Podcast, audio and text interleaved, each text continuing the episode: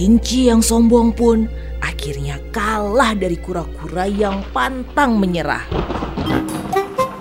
Aum, teriak singa sang raja hutan pada kawanan pemburu jahat tersebut. Ajarkan cinta dan banyak hal lain dengan mendongeng bersama anak. Ayo mendongeng!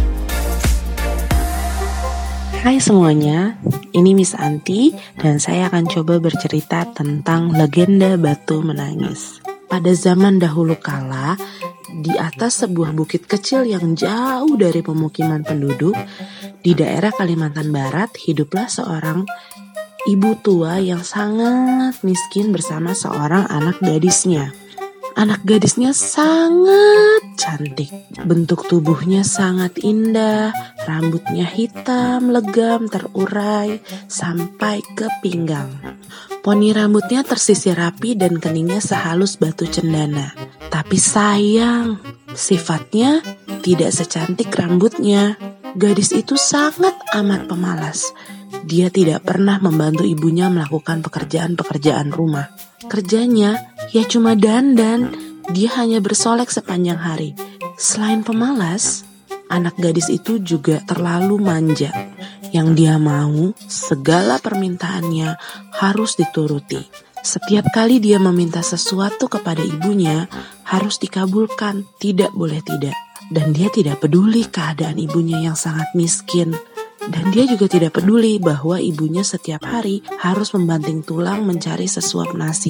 Pada suatu hari, anak gadis itu diajak ibunya turun ke desa untuk berbelanja ke pasar. Letak pasar di desa itu sangat jauh dari rumahnya, sehingga mereka harus berjalan kaki yang cukup melelahkan. Anak gadis itu berjalan melenggang dengan memakai pakaian yang bagus dan bersolek agar orang-orang di jalan yang melihatnya nanti akan mengagumi kecantikannya.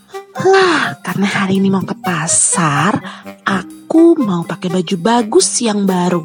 Aku mau dandan. Nanti kan orang-orang memperhatikan aku, katanya. Sementara itu, ibunya berjalan di belakangnya sambil membawa keranjang dengan baju yang dekil. Karena mereka hidup di tempat terpencil, tak seorang pun mengetahui bahwa kedua perempuan yang berjalan itu adalah ibu dan anak. Ketika mereka sudah berjalan jauh dan mulai memasuki desa, orang-orang desa memandangi mereka. Laki-laki di desa itu sangat terpesona melihat kecantikan anak gadis itu. Namun, ketika orang-orang melihat orang yang di belakang gadis itu, mereka mengangkat alis. Hah? Siapa tuh di belakang situ?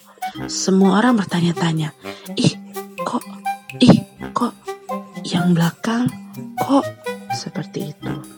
Di antara semua orang yang melihatnya, ada seorang pemuda yang mendekati dan bertanya kepada gadis itu, "Hai, gadis cantik, apakah yang berjalan di belakangmu itu ibumu?"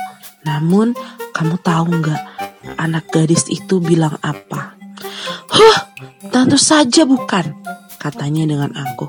Dia adalah pembantuku, dia budak kata gadis itu. Kedua ibu dan anak itu kemudian meneruskan perjalanannya. Tak seberapa jauh mendekati lagi seorang pemuda yang bertanya kepada anak gadis itu. Hai manis, apakah itu ibumu? Ih, bukan, bukan, bukan. Jawab gadis itu dengan mendongakkan kepalanya. Dia adalah pembantu, dia adalah budak. Ya, seperti itulah gadis itu setiap bertemu dengan seseorang di sepanjang jalan yang menanyakan perihal ibunya. Dia selalu menjawab seperti itu. Sedih sekali ya, ibunya diperlakukan sebagai pembantu atau budaknya. Awalnya, mendengar jawaban putrinya yang durhaka, ibu masih dapat menahan diri. Sabar, sabar, kata si ibu. Namun setelah berulang kali dengarnya jawaban yang sama dan amat menyakitkan hati, akhirnya si ibu yang malang itu tidak dapat menahan diri. Dia berdoa, Ya Tuhan, hamba tak kuat lagi menahan hinaan ini. Anak kandung hamba begitu teganya memperlakukan diri hamba sedemikian rupa. Ya Tuhan, hukumlah anak durhaka ini. Hukumlah dia, Tuhan. Aku sudah tidak sanggup lagi. Nah, atas kekuasaan Tuhan Yang Maha Esa, perlahan-lahan tubuh gadis durhaka itu berubah menjadi batu Perubahan itu dimulai dari kaki. Ketika perubahan itu telah mencapai setengah badan, anak gadis itu menangis memohon ampun kepada ibunya. Ibu, ibu, ampun ibu, ampunilah saya. Ibu, ini anakmu ibu. Anak gadis itu terus meratap dan menangis memohon kepada ibunya.